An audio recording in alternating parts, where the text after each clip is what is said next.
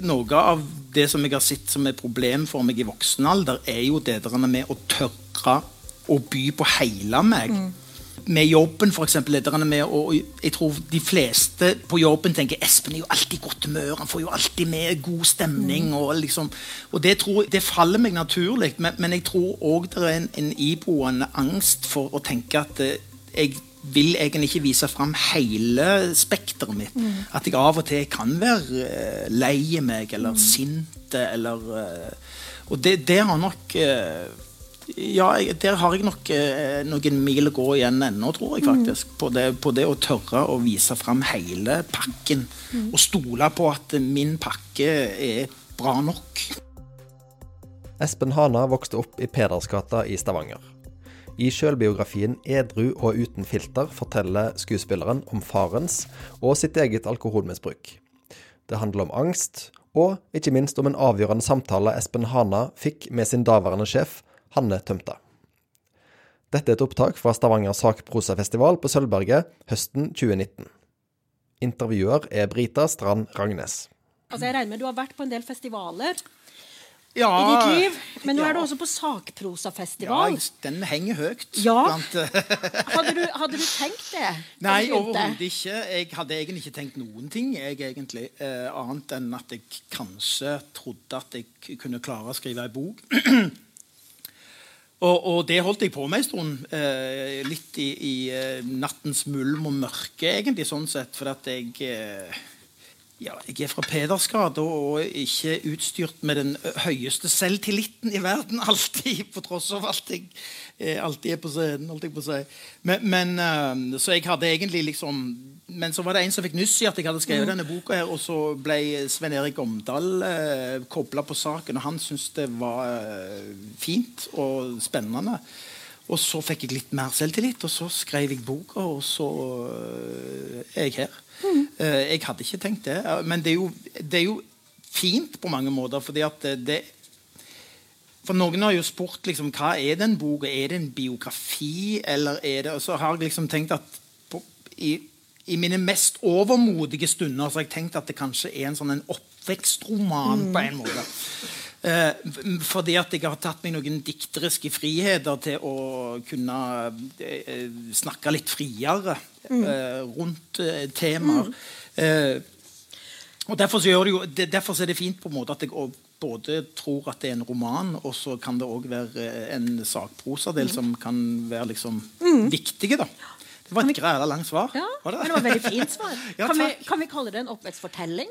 Ja. Så slipper vi å komme inn Ja, det, ja, det kan vi godt fortelle. Ja. Det kalle det for, ja. Eh, fordi at dette her er jo Altså, det er jo en tittel som på en måte fanger litt. sant? Altså edru og uten filter. Ja. Og så er det jo Og du har jo Vi vet jo mye Du har snakka mye om dette med din eh, Altså med alkoholbruken din, og at du kom bort fra den og sånn. Og så, og så tenker jeg ja, når jeg har lest boka, så tenker jeg at det, det er klart at det handler jo mye om det også, men jeg er veldig usikker på om dette egentlig er en bok som handler om rus, først og fremst. Så jeg er veldig glad når du sa dette med at det kanskje er mer en oppvekstfortelling, Ja. og også en slags byhistorie, på et vis. Ja, det, det kan, kan det leses som, tror jeg. Men jeg tror jo egentlig For at den egentlige tittelen på boka hadde jeg tenkt skulle være 'Det renner en gate gjennom livet mitt'. Som jeg syns var litt fin og litt poetisk og flott. liksom.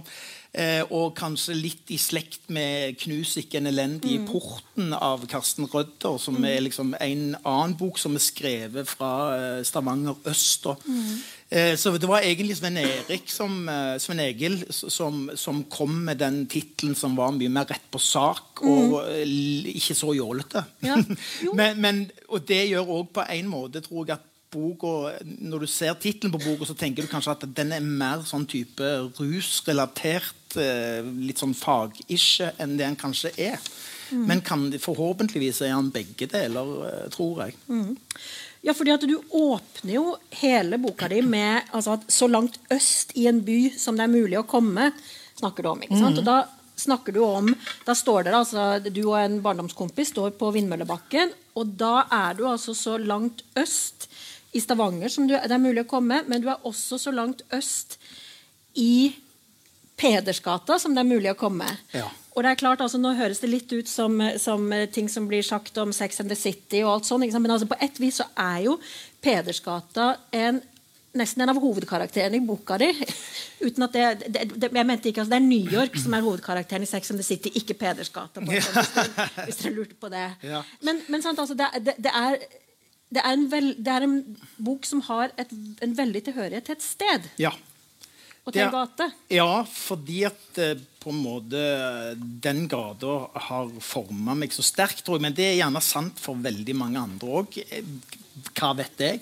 Men, men, men eh, det, det, det likte jeg veldig godt at du sa. For, for at jeg føler det, det handler om det. Det handler om min og, altså I overført betydning så, så langt øst i en by så det går an å komme, er jo på en måte òg en dobbeltbunn i det, håper jeg. At det skal liksom være For det, det er klart at Pedersgade har jo forandra seg. Det er jo blitt litt mer eh, skjegg og hipster og litt kulere å si du er fra Pedersgade. Og nå enn når jeg vokste opp der. Da var det jo eh, arbeiderstrøket. Det var, det var mye eh, dårlige kår for unger å vokse opp.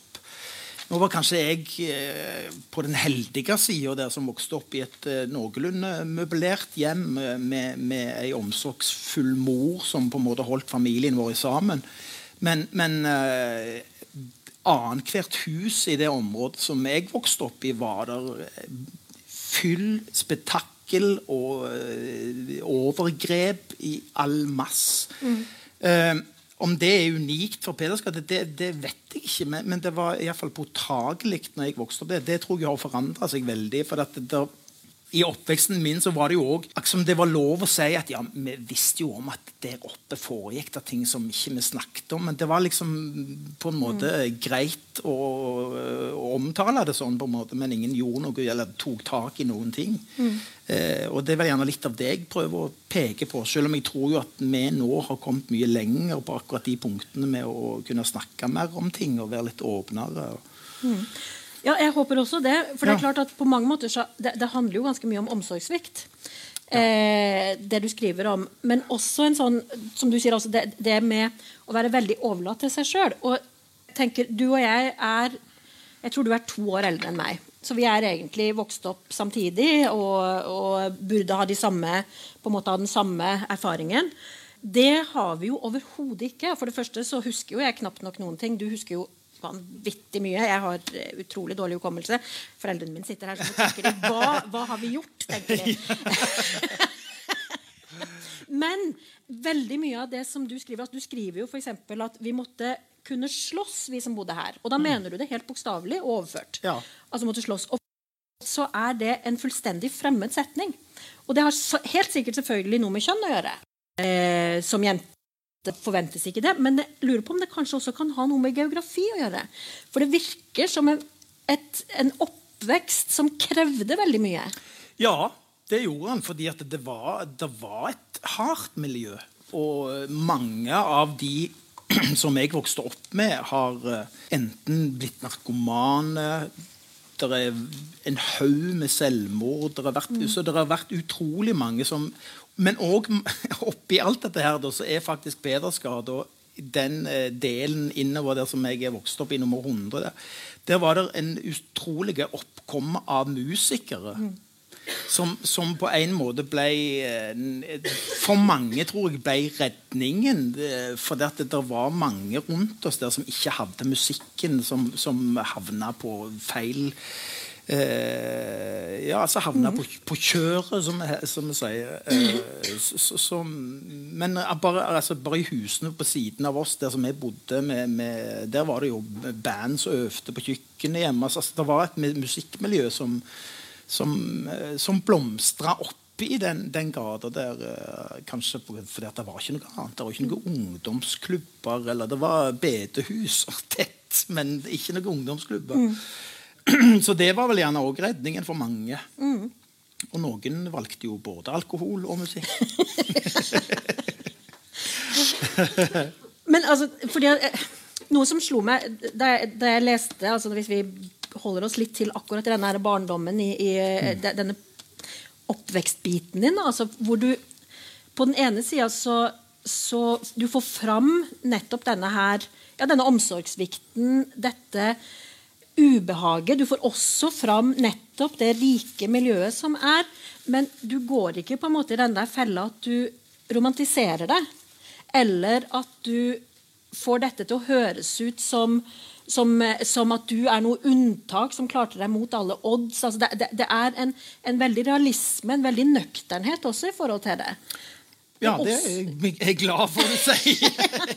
men, men, jeg tenker også i forhold til deg sjøl i dette, for du begynner jo veldig tidlig å få fram altså, Helt, helt, helt ja, på de første sidene dine så går du inn på det som også på mange måter er kjernen i boka di. Det er nemlig altså, hvordan har du vært i verden?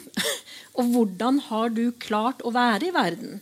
Og en av de tingene du sier veldig tidlig, det er dette med, du sier at du likte, ikke å være sammen, nei, du likte å være sammen med folk som du ikke likte. For at de kunne ikke såre deg. Mm. Og det er en veldig sterk og veldig interessant ting å si. altså At du syns det var helt i orden å være sammen med folk du egentlig ikke hadde noe til overs for. For ja. da var du trygg. Ja. Og det, det er sant. Eller var sant. Eh, det er nok eh, men, men, det er jo noe som jeg har eh, kanskje båret med meg eh, altså Den der ensom ulv-følelsen har jeg nok hatt eh, hele tida. Og noen vil nok tenke da Hæ? Han som står på scenen og eh, Men, men faktisk jeg tror jeg tror jeg altfor tidlig i livet meldte meg på den der ekstrovertklubben i ren overlevelsesmekanismen. For jeg tenkte her er det bare én ting. Jeg var tjukk som liten og ikke han som jentene ville være med, men de ville være med de fotballguttene.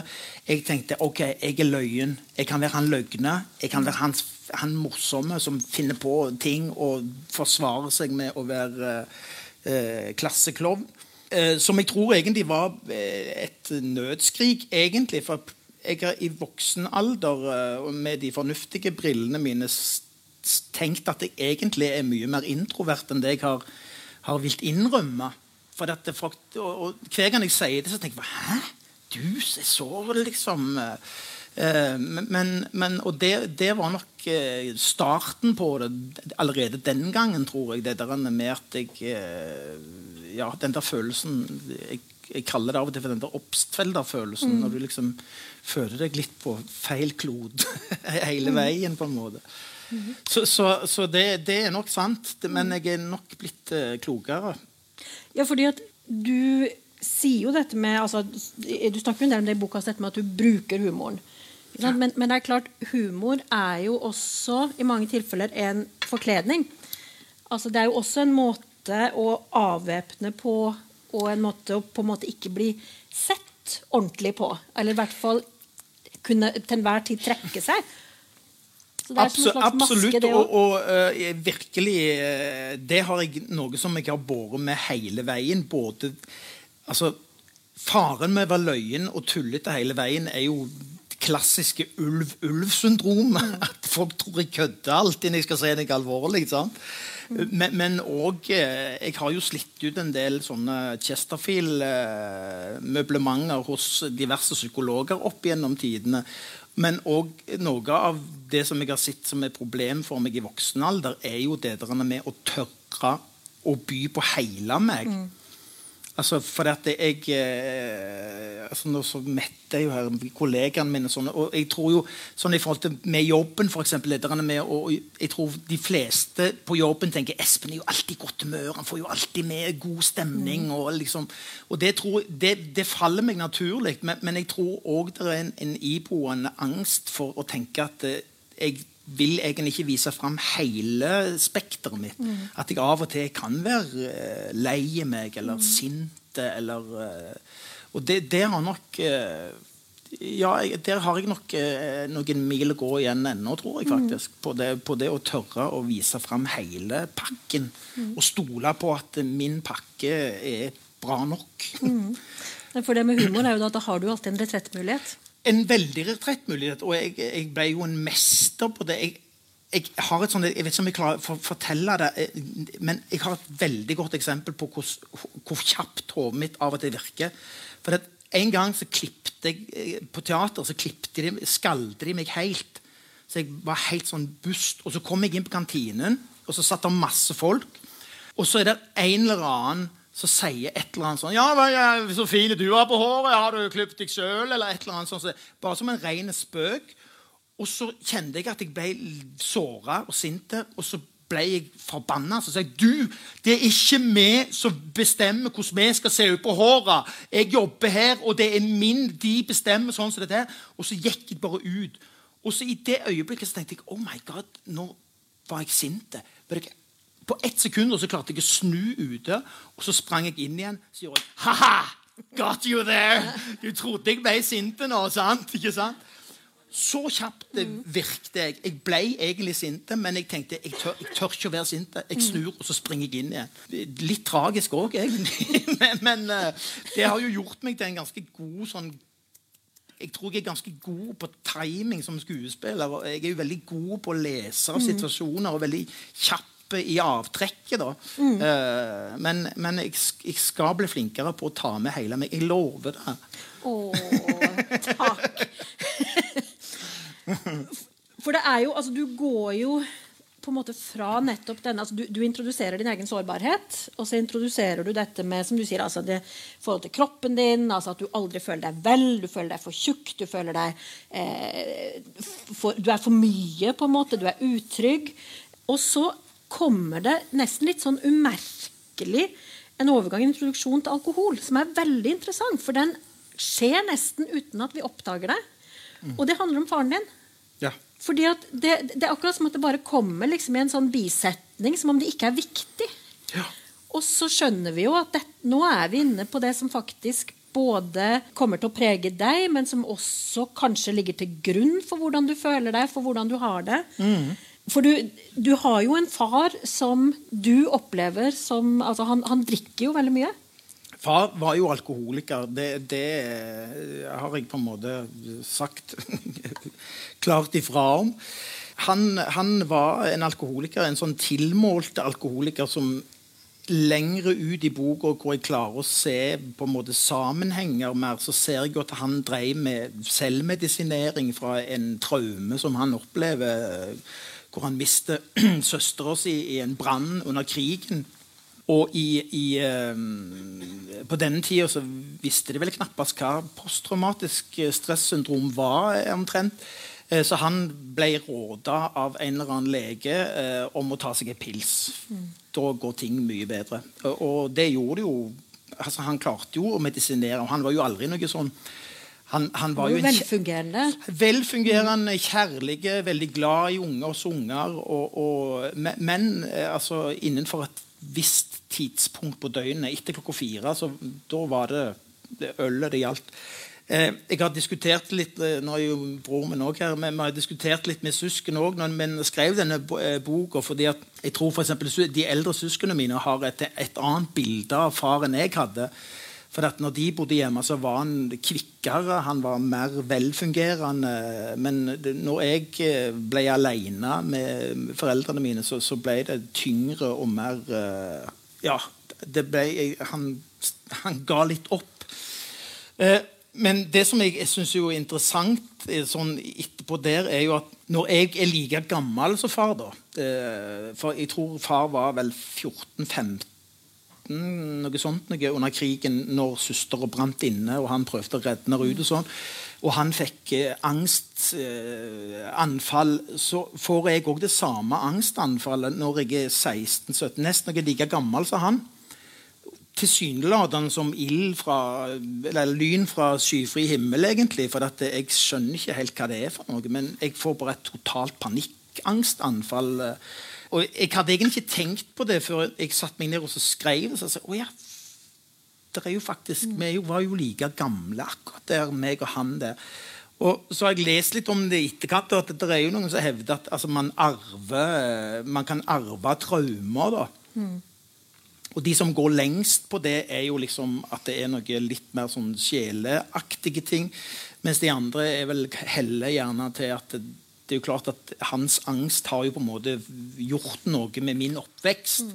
At det der med at eh, verden der ute stort sett er ganske farlig, og du bør være forsiktig nesten med alt du foretar deg. Og der var jo far veldig Han var jo han prøvde jo febrilsk å, å, å, holde kontrollen på et liv som bare skrumpa inn og ble mindre og mindre og mindre. og mindre. Til slutt eh, så var han omtrent bare inne hjemme. Mm.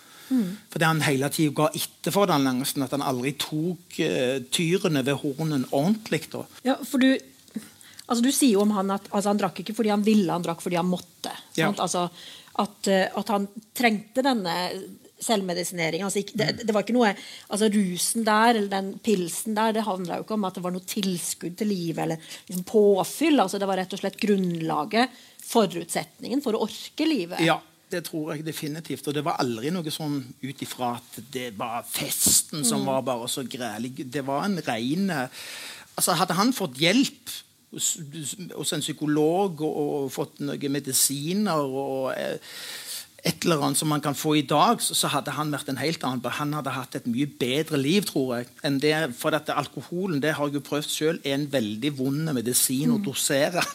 så han og, og, og, veldig Når du kommer til et punkt, så, så, så mister du jo kontrollen. Mm. Og det er jo ikke akseptert på en måte å, å ta seg en øl til lunsj fordi at sånn. eh, så, så, i hans tilfelle så var det en, en overlevelsestrang, altså. Mm. Måten han takla eh, det på. Mm. Og du har jo altså, Du sier dette at du var, du, du var redd for altså Verden var farlig. Både ja. verden der ute, men også verden der inne, altså hjemme, var farlig. Altså, alt var farlig.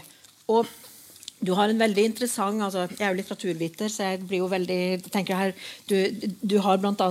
da en litt egen tolkning av dette litt forslitte men vidunderlige oppspillerdiktet jeg ser. jeg ser ja.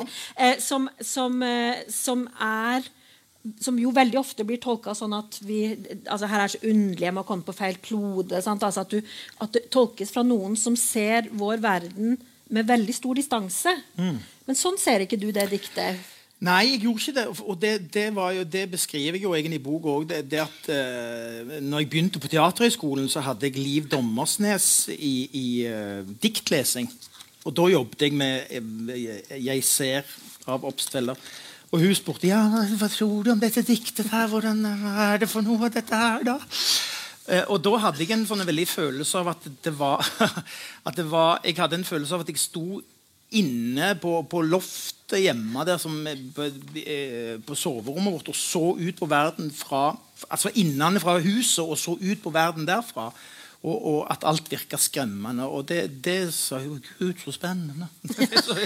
Gud, så spennende og, men det var nok litt sånn jeg opplevde verden som eh, Jeg så ikke det store perspektivet som mm. kanskje oppstiller tenker at man ser det hele litt fra oven mm. og tenker Er dette kloden? Er det virkelig altså, med det, et stort perspektiv. Jeg klarte ikke å se det, og jeg så det innenfra det lille eh, fengselet mitt, på en måte, ut og så på en verden som jeg var for store for meg. altså. Mm. Um, og da er det jo selv de aller minste bitene i verden altså, ja. Altså, det, det, er jo ikke bare det 'hva skal jeg bli', 'hvem er jeg', 'hva er meningen med livet', men rett og slett 'hvordan skal jeg orke å ja, hvor, gå ut'? ja. ja. hvordan skal jeg klare å leve dette? Og da, da opptakte jo jeg òg alkoholen mm. veldig tidlig. Som et helt uh, ja, nødvendig altså, Jeg fikk et superangstanfall jeg, jeg, husker jo dagen, tidspunktet og stedet hvor jeg fikk dette her. Og, og, jeg skjønte ikke hva som skjedde med meg, og jeg følte meg totalt alene om det. Og vi hjemme hadde jo ikke noe apparat å snakke om, om, det på. og Jeg følte en enorm sånn skam. Er det noe galt med meg? Er det bare jeg som har det sånn, eller er det noe som eh, andre har, dette her? Eh, og, og, men allikevel så Altså, i våre dager, da Apropos gaming, da, som vi snakket litt om innledningsvis. Da. I, I, våre dager så vil kanskje en, en deprimert ungdom Jeg skal ikke si at det er lettere å være deprimert ungdom eller angstfylte ungdom i dag, men, men i dag er det iallfall en mulighet til å forsvinne inn i noe annet, hvor du virkelig kan bare dukke inn i en virkelighet som er et parallellunivers, nesten. Men, men eh, når jeg vokste opp i, i, da, i 1980 81-82 og sånn, så hadde vi jo ikke mobiltelefoner. Ikke, det var jo ingenting. Så alternativet for meg var liksom Jeg kan ikke sitte hjemme på et soverom på én kvadrat med skråtak og, og sture det. Jeg må ut i verden. Må, må. Det er ikke noe valg. Jeg, det var liksom ikke et hjem for meg så jeg kunne sitte på sida av sofaen hos far min, liksom. Ja. OK. Hva er dette for noe? Det, det, var, det, var, ikke, det var ikke snakk om det. Så, så derfor ble det jeg måtte ut. Jeg måtte ut i gatene i verden. Og, og, det var jo med hvite knoker. Og da fant jeg ut at det, måten å løse de verste bøygene på, uh, var jo å drikke. Mm. Og da var jeg jo 16, og angst er jo nokså oppfinnsomt, egentlig. Altså, for at, uh, jeg begynte jo med at det ramla ned i hodet på meg. Nå har jeg angst. og uh, det, det, var jo Jeg tok ikke heis. Jeg kunne ikke ta tog eller buss. Fly var helt utenkelig. Og så baller det jo på seg. Da. Så ble det åpne plasser. Eh, eh, broer. Altså, tunneler. Altså, og angsten kommer jo på nye ting hele veien. Der var det den, der var det den, mm. der var det den. Så, sånn at eh, Angsten er veldig inkluderende. ja, den er det. Det er virkelig åpen for nytenkning. Ja. men, men, men, eh, sånn at eh, når jeg var 16, så begynte jeg jo på musikkgymnas. Da kunne jeg jo ikke, jeg kunne ikke ta buss eller tog til Sandnes, for det, det var musikkgymnaset, så jeg måtte kjøre moped. Det gikk eh, fram til november, når det var glatt, og, og, sånn, og så måtte jeg slutte. Jeg fiksa det ikke. Og Da fikk jeg jobb på teateret i Stavanger, nei, på Rogaland Teater som, som uh, pianist på Barneteateret. Og da, da, husker jeg at da drakk jeg jo på, de, mm. på forestillinger for jeg, jeg, kjente så mye angst at jeg måtte liksom drikke for å kunne gjøre jobben. Jeg husker jeg drakk jeg drakk en halv brennevin på vei inn til korpsseminar for å, ta, for å tørre å ta båten, mm. hurtigbåten inn til Sauda. Uh, det er jo ikke normalt, uh, men, men uh, hva visste jeg? Nei, men det er jo det jo, men Far min hadde jo lært at det, det, er jo en medisin som virker. da. Ja. Men det er jo det som er problemet også. Normalitet finnes altså, Du skjønner jo ikke at, at, din egen verden ikke er normal før du får noe å stille den opp mot. Nei. Så jeg hadde jo altså, jeg hadde jo altså Far hadde jo for så vidt vist veien litt sånn Jeg, vet, jeg tenkte jo aldri sånn, men, men jeg tenkte i, i, voksen alder så ser jeg jo på en måte at jeg har selvfølgelig lært av far at han, det, det, var en medisin som han faktisk hele livet da klarte å, å dosere. Mm. Noen små uhell i ny og ne, men det har jo alle. Mm. Men, men eh, han skal ha for det. Altså, han, han, han klarte hele livet å holde seg innenfor de rammene. Han, han, var jo aldri noe utagerende eller kom hjem i politibil, liksom, selv bestefar min var litt mer den sorten. Uh, så, så, vi har hatt liksom. I, i, men, men fatteren han klarte på en måte å holde det. Mm. Innenfor en sånn slags akseptabel ramme, og var aldri syk. Og, mm. Så men det er jo interessant, altså, for du, du, skriver jo også morfaren din? Som, ja. sier, altså, som, som, da var som du sier, en litt mer utagerende alkoholiker. Ja. Og, sånn, og, så, og, så, er det For meg når jeg leser, så er det også interessant dette med Du, du snakker ikke så veldig mye om dem sånn eh, generelt, med et unntak som jeg kom til, men altså disse damene, altså mormora di, mora di, som jo også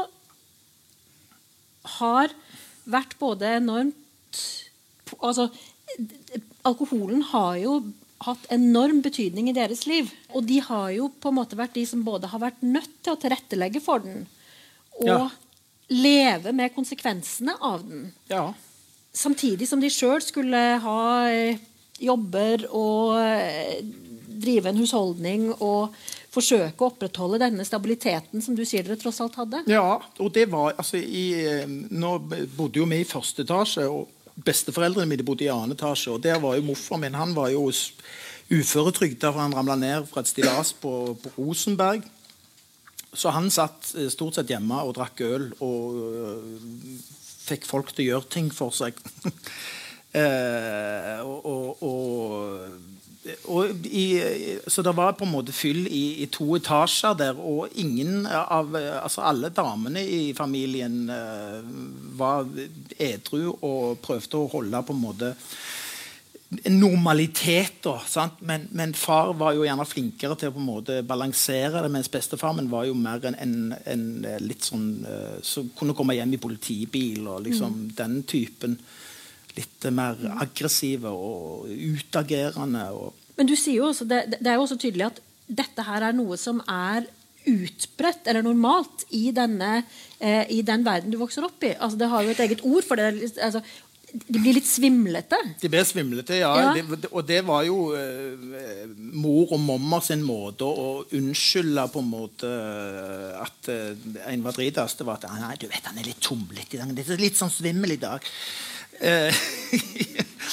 sant? Og det, det, det, sier jo noe om på en måte en, en slags streben etter å holde en slags normalitet og, og prøve å late som alt er helt fint. Bare vi ikke snakker om det, og bare la det holde på. Og det er jo på en måte Ja, vi snakket jo ikke om det. Nei. Eh, eh, om noen ting, egentlig, i, i, i den uh, gata der.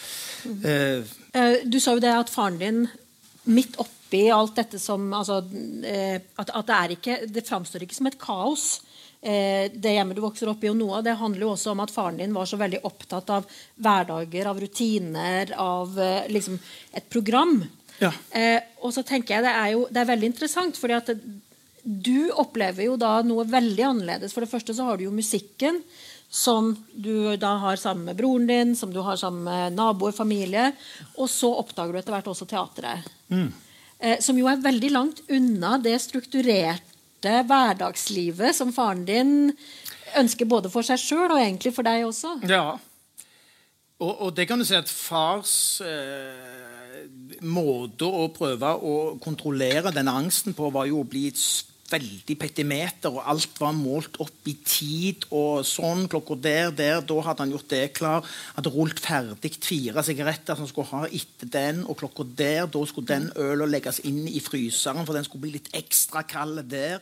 Og så Alt var uh, tilmålte greier, og alt som var på en måte gøy og for overraskende, og sånn, det var på en måte trussel for systemet hans. Uh, og, og da, så så jeg tror nok at det, det, har nok gjort at pendelen min har jo svingt veldig andre veien. da, i det med, Nå snakker jeg litt mer i voksen alder, hvor jeg har på en måte fått kontroll og blitt venner med angsten min. på en måte, da, Men det der med, med å dyrke kaoset og Det er jo litt det vi driver med med, med teater òg, at man tør å liksom leve litt i det kaoset. og, og jeg liker jo når ting er litt uh, galskap og kokos. Jeg er veldig mm. lite sånn opptatt av sånn som far min var, med, med, det tilmålte og nøye planlagte. Og det virker jo sånn når du, når du da Altså at du oppdager at et annet liv er mulig. På en måte Når du oppdager teatret, når du oppdager den verden. Og så er det akkurat som du også oppdager at hvordan, altså jeg, jeg tenker om dette, Det er en familiefortelling. Sant? Og det er en fortelling om din familie, mm. din biologiske familie, og så er det på mange måter også en fortelling om den valgte familien din. Altså det ja, valgte det, fellesskapet ditt ja. som du har gått inn i ja, gjennom teatret. Ja, og, du og, kan si når Og jeg, musikken. Ja.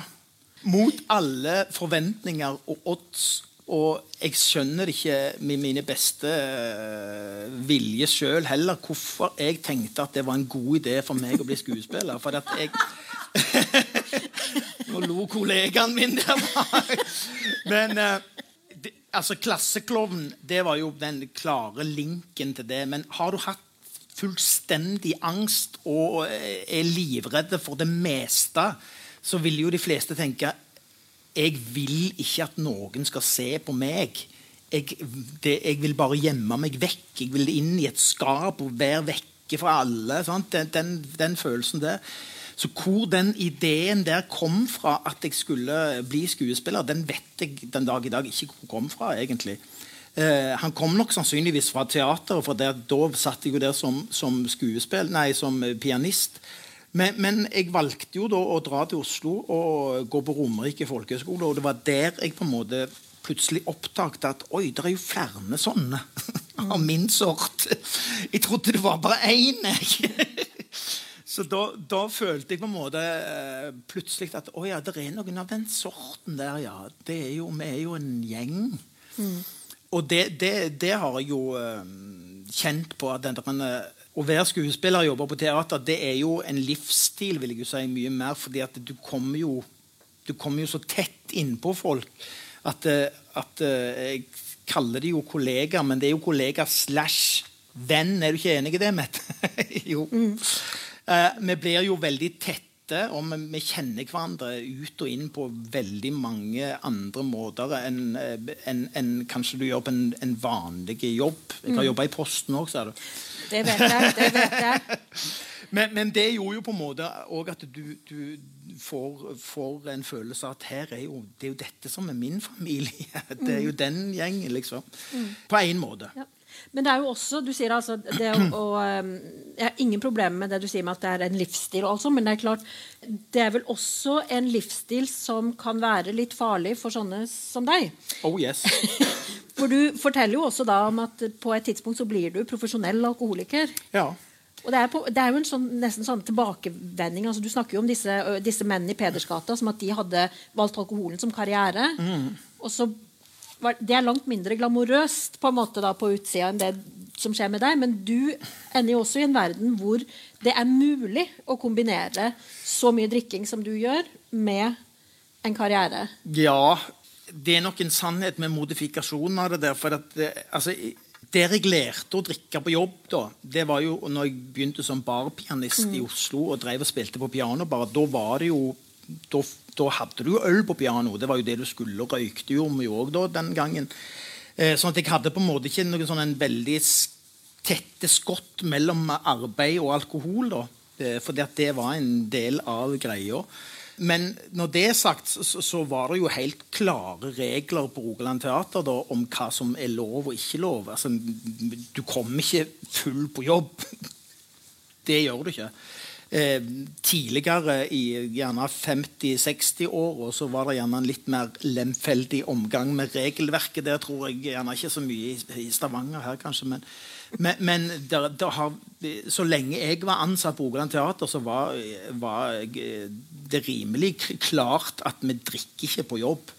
Men der er det jo sliding-greier der òg. For vi har jo premierefester på jobben. Vi har uh, første, uh, første publikumspils. Uh, vi hadde noe som het applauspils, som, måtte, som, som, vi måtte slutte med. For det betydde at du, hvis du er med i et stykke og du er, når du er ferdig med det du skal gjøre, og du sitter bare i garderoben og venter på applausen F.eks. hvis du er bare med litt i begynnelsen på annen akt, og så er det gjerne en halvtime til du skal inn for å si takk for i dag, liksom. da har du lov å ta det som kalles for en applauspils. Da, men det òg er vekke nå, da. På grunn av meg, sikkert.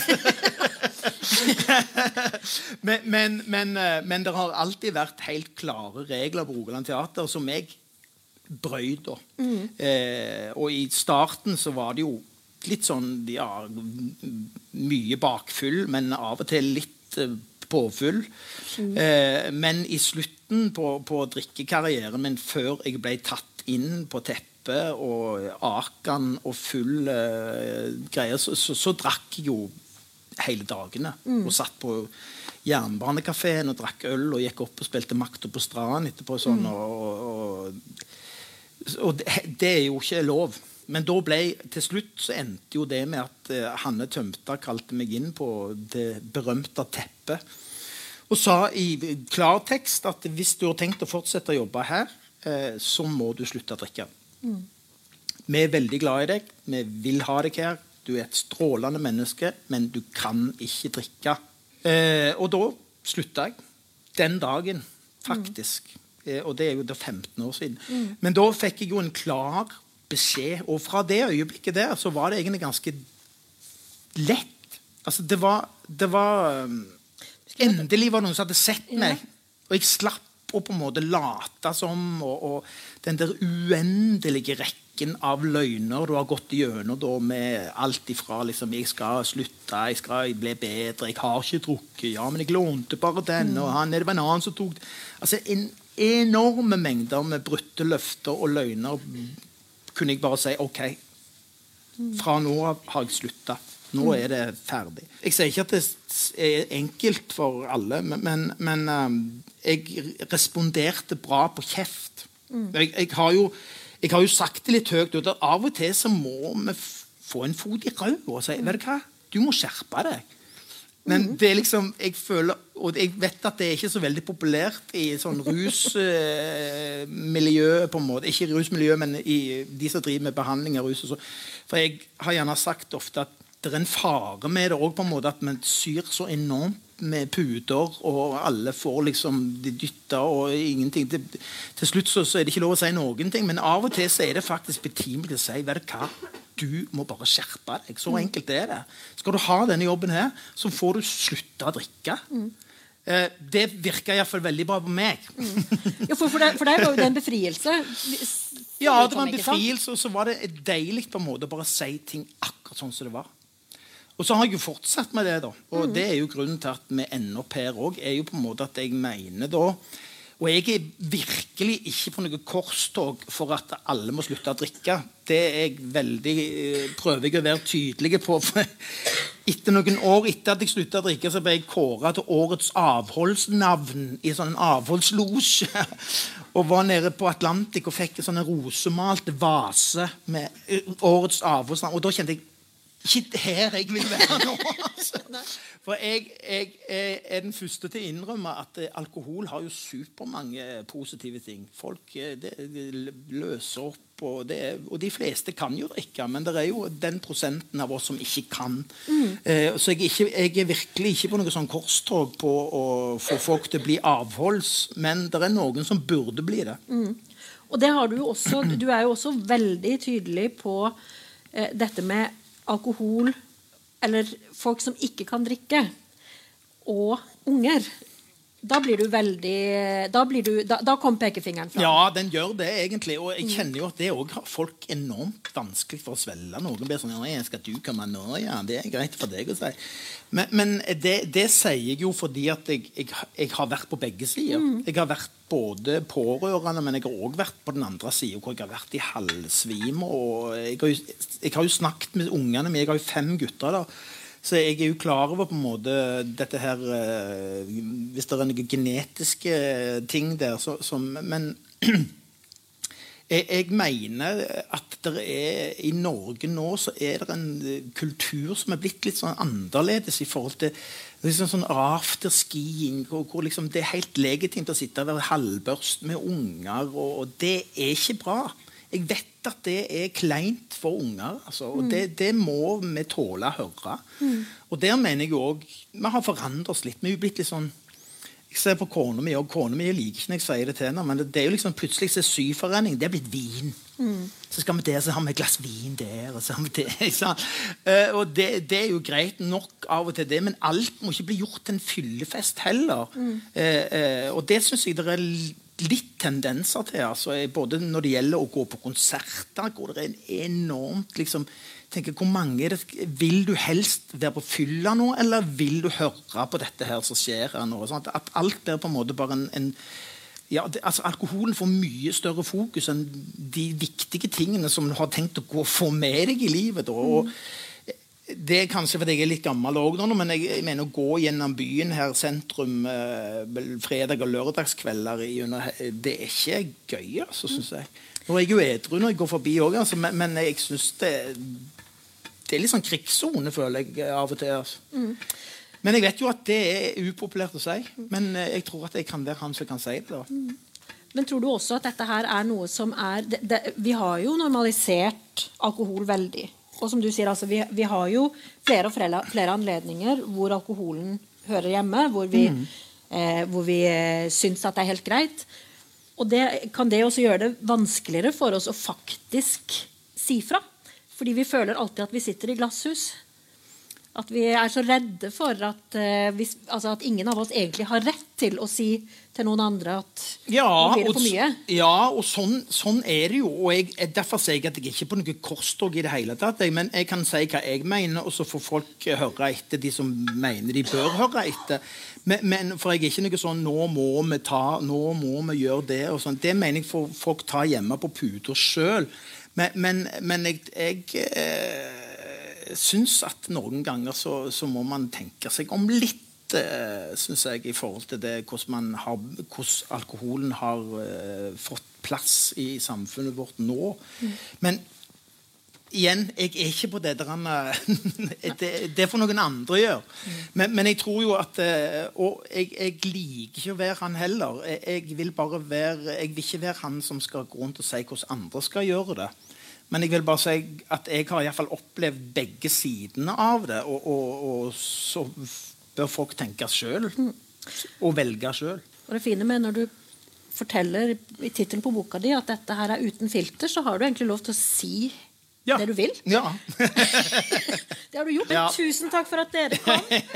Tusen takk for at du kom, Espen. Takk selv. Og kos dere videre.